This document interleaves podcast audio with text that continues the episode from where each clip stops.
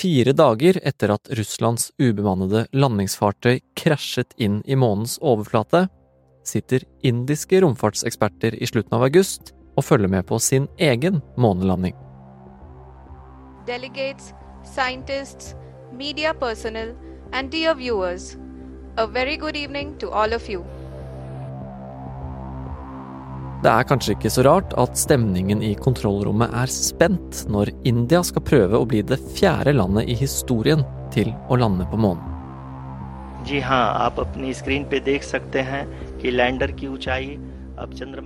Og så setter fartøyet kalt Chandrayaan 3 bena ned i månesanden og lander trygt. People are applauding. Med det blir India det første landet som lander et ubemannet fartøy på månens sørpol, og er med i den gjeve måneklubben.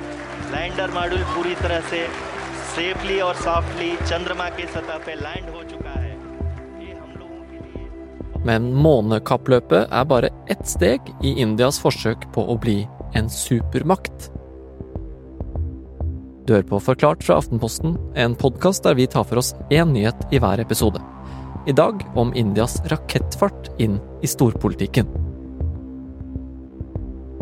Det er torsdag 7. september, og jeg heter David Bekoni. Er du klar? Ja. Kristina Pletten, kommentator her i Aftenposten. Eh, Du var tydelig på at du ikke ville kalles romfartsekspert, men eh, internasjonal storpolitikk, det kan du en del om. Og det kommer vi jo tilbake til. Men først litt månenerding. Hvorfor er det så viktig å komme seg ut i verdensrommet og opp til månen? Det er jo en slags oppvisning i teknologi og ingeniørkapasitet. Eh, Det er litt sånn se på meg, se hva jeg klarer å få til. Eh, også disse jubelscenene som vi så i India, viser jo også at dette var viktig internt i landet, ikke bare eksternt. Eh, Det betyr utrolig mye for selvfølelsen til inderne. Og så handler jo romfart om noe mer enn bare oppdagelsesreiser og stjernekikking, da. Det har potensial både når det gjelder forskning, når det gjelder forsvar, eh, og det har et potensial som man ikke ser helt omfanget av ennå.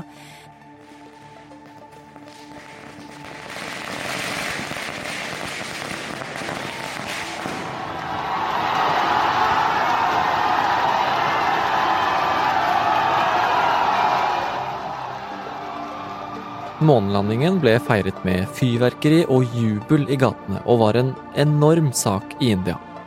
Men om du skrudde på nyhetene her hjemme, så var det ikke så mye månelanding i monitor. Det hjalp heller ikke at dette skjedde samme dag. I en podkast som ble spilt inn bare dager før han ble drept, snakket Jonas Henriksen om en rekke hendelser han har vært utsatt for de siste årene. Den beryktede Wagner-sjefen Jevgenij Prigozjin har altså trolig omkommet Flyet later altså til å ha eksplodert på marsjhøyde uten å sende ut nødsignal. Det druknet jo i andre hendelser, men jeg tenker jo det sier jo litt også om våre prioriteringer her i Vesten, at vi ikke ga dette mer oppmerksomhet. Eh, Det er litt typisk for hvordan vi forholder oss til verdens mest folkerike land. Eh, Og jeg tror egentlig at dette begynner å bli både litt dumt og litt risikabelt. India vokser veldig, veldig raskt, og det ligner mer og mer på en kommende supermakt. Og timingen for månelandingen den er nok heller ikke tilfeldig. På hvilken måte da? Månelandingen kom bare ca. to uker før India skal være vertskap for et veldig viktig møte, det som kalles G20-toppmøte.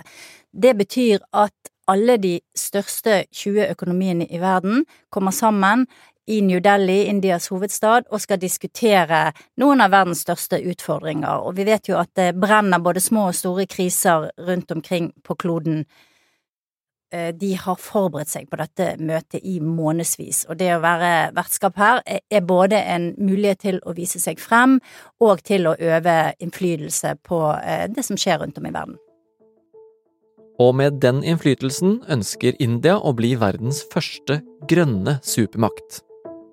Men det kan faktisk være dårlig nytt for klimaet.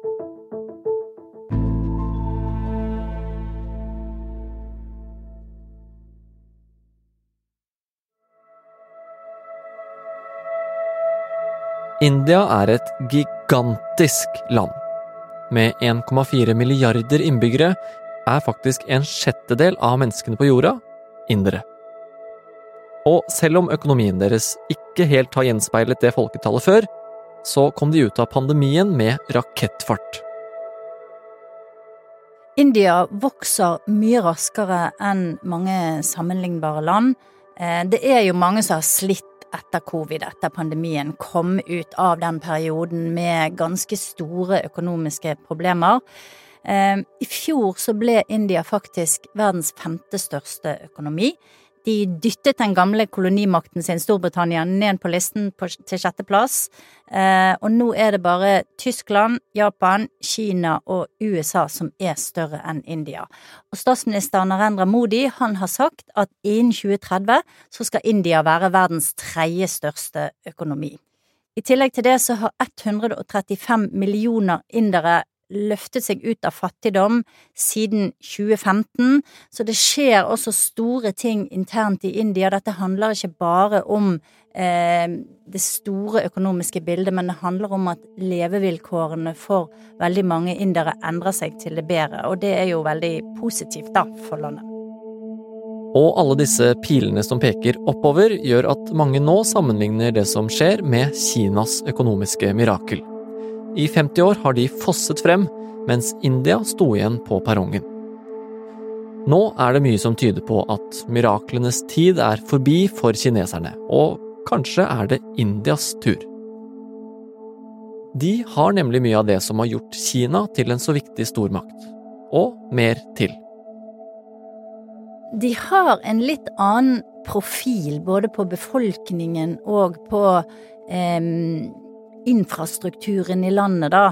Ehm, de har veldig mange mennesker som snakker engelsk. De har engelskspråklige medier. De har kjempegode universiteter og høyskoler, spesielt når det gjelder ingeniør, eh, kunst og teknologi. Um, og så har de jo dataeksperter. De har en hel sånn hærskare av dataingeniører og koder og sånn, som utgjør ryggraden i det internasjonale IT-universet. Eh, India eksporterer hundretusener av IT-arbeidere på alle plan eh, til veldig mange land. I tillegg til det så har de også eh, folk på toppen, altså de har en intellektuell elite, de har forfattere, de har en kjempestor filmbransje i Bollywood, eh, og så har de Eh, folk som reiser ut i verden og blir toppsjefer i selskaper som Microsoft, Google, IBM. Også i verdenspolitikken har barn av indiske migranter gjort det bra. For eksempel da visepresident Kamala Harris, som er halvt indisk. To av kandidatene på republikansk side er fra indiske foreldre. Statsministeren i Storbritannia kommer fra indiske immigrantforeldre. Så de begynner å få veldig mye innflytelse og kan dra nytte av denne myke makten. Og så har jo India noe veldig, veldig viktig som Kina ikke har, og det er at de har faktisk et demokrati. De er verdens største demokrati, eh, og det betyr at de har mye større takhøyde for ideer og for meningsbrytning enn det kineserne har. Så det er mye som tyder på at eh, India er på vei til å bli en eh, stormakt, men er det bare fryd og gammen her? Nei, det er det jo ikke. Statsminister Narendra Modi har måttet tåle mye kritikk for måten han har opptrådt på både internasjonalt og nasjonalt. Han har for eksempel ikke villet ta avstand fra russernes invasjon i Ukraina. Eh, han har også nørt opp i en del etniske konflikter i India som er ganske betente. Han har en eh, litt sånn autoritær og nasjonalistisk stil som mange mener er urovekkende. Eh, og så har han jo benyttet seg av krisen i Ukraina til å importere masse billig russisk olje og gass. Er det noen andre utfordringer for India, da, annet enn lederen deres? De har jo veldig mange utfordringer. Eh, de har en befolkning på 1,4 milliarder mennesker. En god del av de er under 20 år, og folkehelsen er et kjempestort problem. Eh, det er fortsatt veldig lav levealder, det er mye forurensing, eh, det er mangel på gode, godt betalte jobber, det er få kvinner som er i arbeid, så det er mye ting i det indiske samfunnet som fortsatt må på plass for at de skal klare å eh, komme i en posisjon der de kan kalle seg eh, noe som ligner en eh, moderne, eh, utviklet nasjon. En av utfordringene angår også meg og deg. For det er ikke sikkert verden har råd til et nytt økonomisk mirakel. Nå er det jo sånn at i den moderne tiden så er det ingen som har gått fra fattig til rik uten å brenne utrolig mye olje og gass og slippe ut veldig mye CO2. Og det er mange mennesker som mener at det er umulig å gjøre det. Eh, India er allerede på tredjeplass når det gjelder utslipp og når det gjelder bruk av energi, selv om de bruker mye mindre per person da enn, enn vi gjør for eksempel i Norge eller i USA. Eh, så de er et av de landene som må kutte, eller i hvert fall holde igjen utslippene sine for at verden skal ha noe som helst bitte liten sjanse til å nå FN sine klimamål. Så hvis de skal vokse og bli en ny stormakt, så er det mange som frykter at det vil gå på bekostning av klima og kan bli en katastrofe for hele verden. Men eh, vi her i Vesten har jo da også utviklet våre økonomier på bekostning av klima allerede. Er det rimelig å forvente at India skal slutte å vokse for å unngå en enda større klimakrise? Ja og nei blir vel eh, svaret på det spørsmålet. Det er ikke rimelig å si at andre mennesker ikke skal kunne ha samme levestandard som vi har, men samtidig så er det jo sånn at verden nå er i en situasjon der det vil gå utover alle hvis man ikke klarer å gjøre denne omstillingen på en bærekraftig måte. Det er et paradoks, men det er et paradoks som både India og alle vi andre må leve med. Og det er jo noe som India har tatt inn over seg, og derfor så sier de at de skal bli verdens første grønne supermakt, og det må jo vi alle håpe på at de faktisk klarer. Hva er en eh, grønn supermakt, da? det er jo en nasjon som klarer å gjøre denne overgangen fra fattig til rik uten at det skal gå på bekostning av klima og miljø. Eh, og India er på en måte på vei, da. De investerer masse, masse i solceller, i vindkraft, i elektrifisering av tog og bilparken og sånne ting. Og de satser også stort på hydrogen, som er en ganske ny og uprøvd teknologi. Eh, de bygger ut strømnettet sitt og gjør det smartere, sånn at eh, folk kan få energi når de trenger det, og at det, ikke, at det minst mulig skal gå til spille da, i overføringen.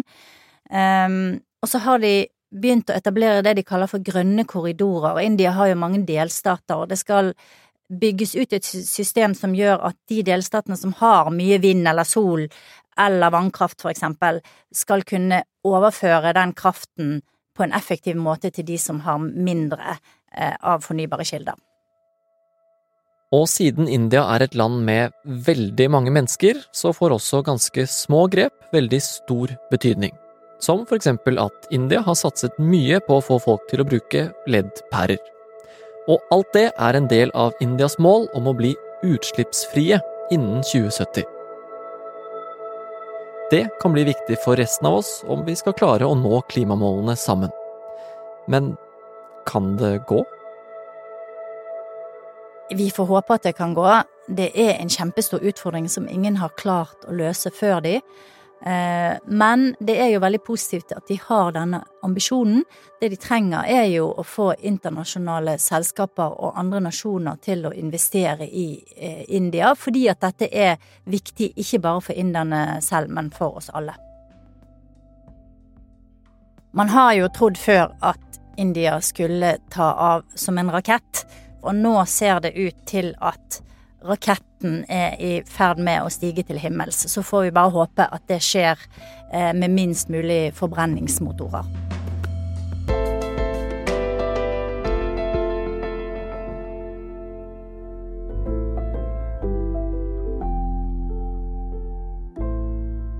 Du har hørt en podkast fra Aftenposten.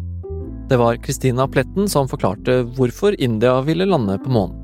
Lyden du har hørt er fra NRK, TV 2 og nyhetsbyrået AP. Denne episoden er laget av produsent Jenny Førland og meg, David Vekoni, og resten av Forklart er Olav Eggesvik, Synne Søhol og Anders Weberg. Og liker du å høre på oss i Forklart, så må du høre på vårt nye ja, søsken Dypdykk. Det er en samfunnspodkast som går i dybden på fenomener i tiden vi lever i. Sesong to av Dypdykk er i gang, og episoden som ble sluppet i går, må du bare høre på. For den undersøker om det er mulig å løse klimakrisen i et demokrati. Du får straks høre en forsmak på den, men først må jeg skynde meg å si at med rabattkoden DYPDYKK, så kan du som er forklart-lytter prøve Podme gratis i én måned.